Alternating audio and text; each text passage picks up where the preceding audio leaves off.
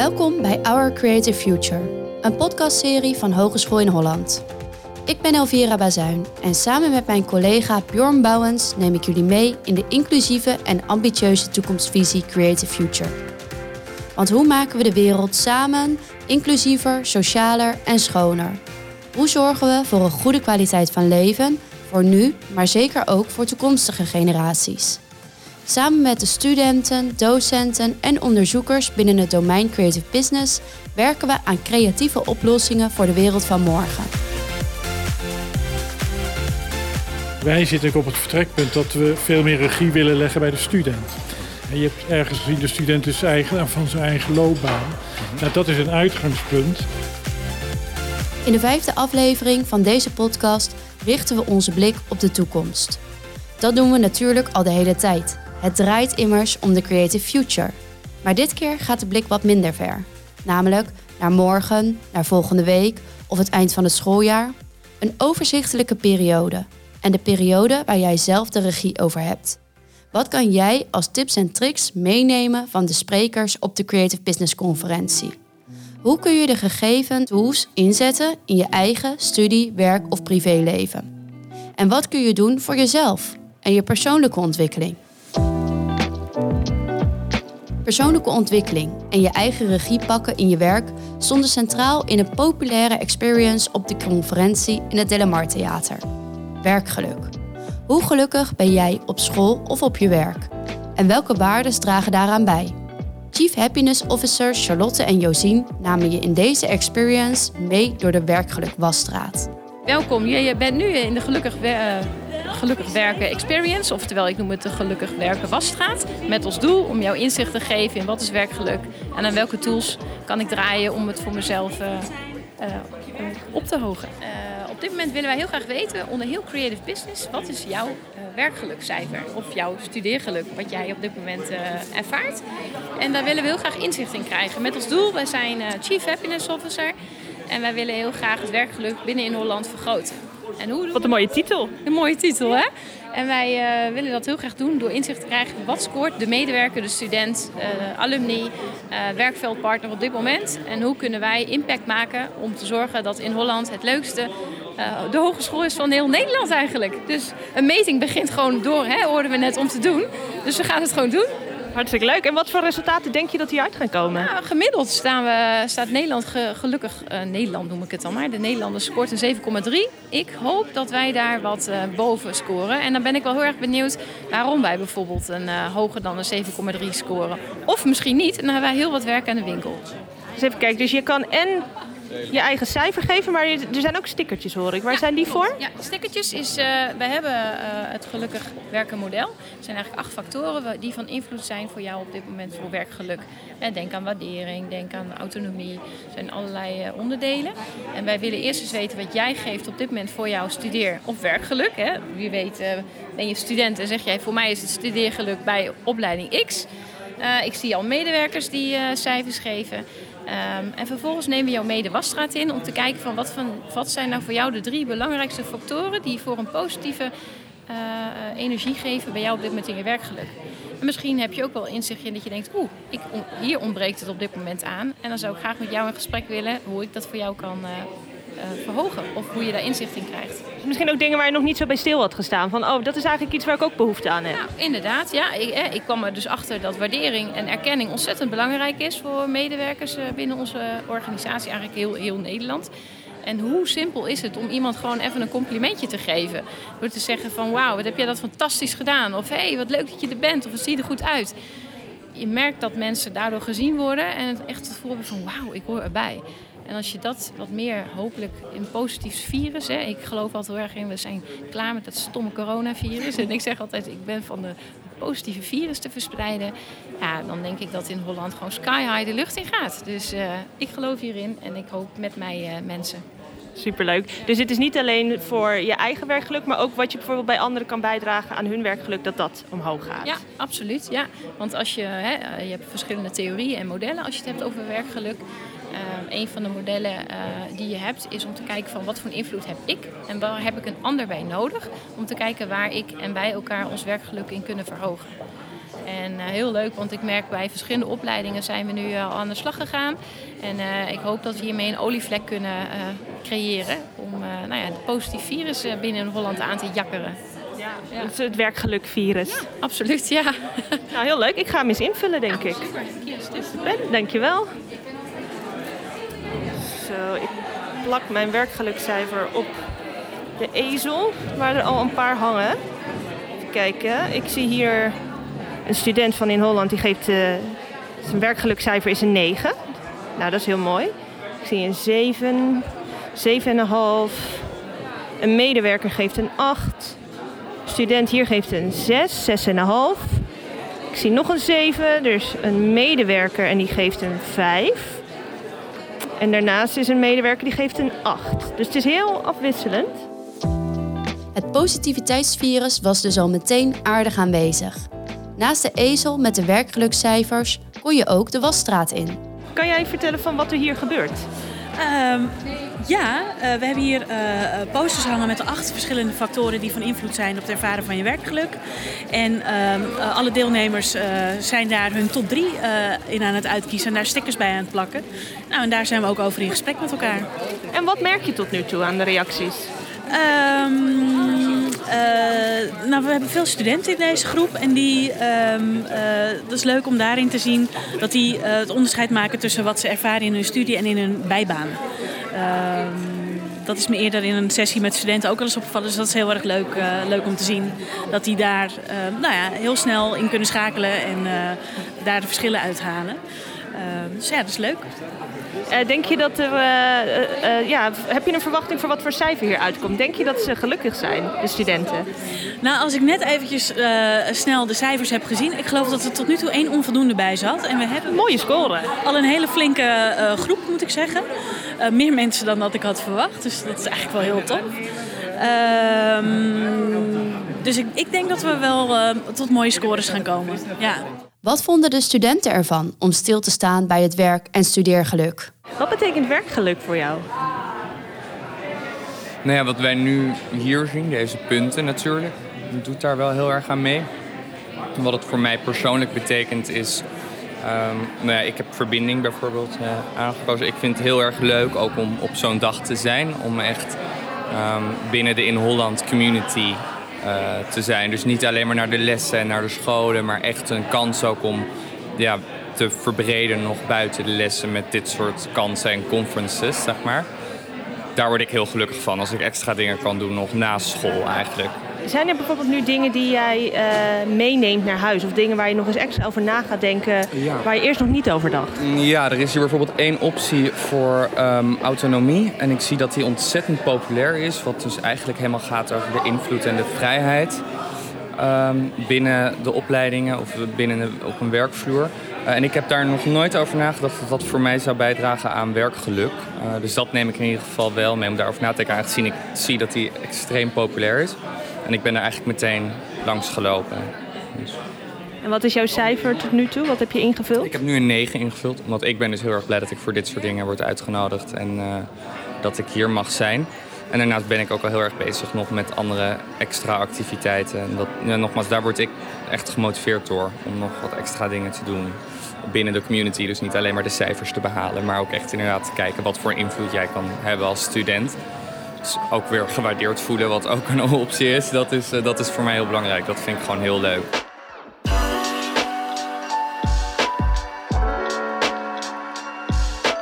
Naast de werkgeluk experience kon je op nog meer plekken op de conferentie je eigen regie pakken en proberen te verwoorden wat je voelt en denkt. Bij de experience Design Your Own Creative Future bijvoorbeeld. De fantasie en het verbeeldingsvermogen werden flink aan het werk gezet en verbeeld in de schetsen van de cartoonist. Hoe ziet onze gezamenlijke toekomst eruit in tekeningen? Wat je ziet is dat hier aan tafel zijn studenten geweest, uh, collega's. Uh, we zijn eigenlijk met elkaar ook uh, in het plenaire deel geweest om te horen wat, wat, wat zegt men nou eigenlijk. dus wat, wat maakt de creatieve professional nou de creatieve professional? Nou, en dat hoor je op het podium, dat hoor je hier in gesprekken. always question the status quo. Dus durf anders te kijken en kijk nou, hoe het anders kan. rechtsbovenaan zie je uh, future-proof staan. Dus waar, waar willen we nou eigenlijk met elkaar naartoe? Nou, future-proof onderwijs, future-proof jezelf organiseren. Ehm, we zien onszelf als verhalenmakers om um, ja, met elkaar maatschappelijke vraagstukken aan te gaan. Dus die, zie je, die plaats zie je daar links naast. Be betekenis toevoegen aan vraagstukken in de samenleving. Kun je denken aan inclusievraagstukken. Uh, kun je denken aan ja, duurzaamheidsvraagstukken, het klimaat, heel actueel. Uh, maar ook ethische vraagstukken uh, die nou ja, ja, onderwerp van gesprek van vandaag zijn. En wij denken dat we daar als domein, als verenigd domein van betekenis kunnen zijn. Dat is een beetje het verhaal. We hebben heel veel verhalen en het gaat heel snel over de hoofden heen van collega's, van studenten. Dus wat we willen proberen is om die verhalen die we allemaal hebben ja, te comprimeren, pakkender te maken tot, uh, tot kleine eenheden. Ja, want ik zie dan hier een tekening van een, uh, een jonge man ja. Uh, en dan zie ik een, eigenlijk een miniatuurstad, dus begin klein. Ja, ja. ja. ja en maak dingen die misschien groot zijn, maak die qua behapbaarheid klein en probeer ook vanuit het klein een impact te maken. Dat is eigenlijk de gedachte. Op een van de tekeningen stond de regie bij de docent. Maar waar ligt die regie nu eigenlijk? Wij zitten op het vertrekpunt dat we veel meer regie willen leggen bij de student. En je hebt ergens gezien, de student is eigenaar van zijn eigen loopbaan. Nou, dat is een uitgangspunt. En als je het hebt, de, ja, de docent als professional, hou de regie en laat je niet sturen door de overheid. Ah, dat is wel qua nuance een goede. Ja, ja, ja. Dus uh, doe je eigen ding en trek niet meteen de, de jas aan uh, die de overheid van je vraagt. Bij zowel de docent als de student dus. Een van de tekenaars wees zijn eigen favoriete verbeelding aan. Mag ik er één uitlichten? Nog? Dat is ook nog wel een belangrijke. Van uh, heel veel gebeurt. Je hebt het in de vorige tekening gezien. Dan zitten we weer daar. Dan zitten we daar. Nou, deels is dat inherent aan de creatieve industrie. Maar toch denken we dat we gebaat zijn. We zijn studenten, maar ook docenten. Aan een zekere mate van koersvastheid een mate van continuïteit in de organisatie. Dus dat mooi weergegeven. Ik zie het nu pas. Zou je kunnen beschrijven wat je ziet? Die ja. tekenen is een hele mooie tekening. Ja, een, uh, nou ja, een robot wil ik het niet noemen, of wel, Jeroen? Ja, het was eigenlijk meer als, de identificatie van een gebouw, zeg maar. Ja. Als zeg oh, maar, verzameling van, uh, van de opleiding. Ja. Maar die je inderdaad ziet wankelen op een, op een tol die, waarvan je eigenlijk niet weet welke richting die opgaat. En, elke en hij gaat wel een richting. Keer, ja, uiteindelijk gaat hij naar de toekomst toe, maar je wil hem misschien wat meer uh, zekerheid geven van de richting in plaats van dat die wankel alle richtingen op zou kunnen gaan. Ja. En ik denk, om in de metafoor te blijven, we willen denk ik wel dat de student op een tol staat. Ja. Maar niet, niet dat hij zo wankel komt, althans niet al te vaak, dat hij helemaal eh, het evenwicht dreigt te verliezen. Nou, dat is eigenlijk de, de zoektocht. Van hoe bouw je een curriculum waarin onzekerheid en wisselingen inherent zijn, maar niet de student te vaak uh, uit koers raakt. En dan kom je ook weer, denk ik, daarop. Dan is de, de rol van de docent heel belangrijk. Ja. Ja. ja. en die tol, metafoor, de onzekerheid, hè, waardoor je aan het wankelen komt, is heel leerzaam, maar binnen bepaalde grenzen. Als hier student zo meteen aan tafel komt, uh, kan je mij door dat proces heen nemen? Wat, uh, hoe gaat dat? Ja, Gerard en Remco zijn voornamelijk het uh, gesprek aan het voeren met uh, de docenten, de docenten en alle andere stakeholders die vandaag aanwezig zijn. Om eigenlijk te kijken naar de twee hoofdvragen. Wat is future-proof? Uh, wat maakt ons future-proof en ehm, hoe blijven we future-proof? En eigenlijk aan de hand van die twee vragen zijn we op zoek naar alle ingrediënten die bijdragen aan dat future-proof. En die zijn we hier aan het plotten, die e- ingrediënten aan het verbeelden en proberen daar ook een logische volgorde van platen in te maken, zodat er straks ook een eenduidig verhaal van begin tot eind richting toekomst uh, ligt.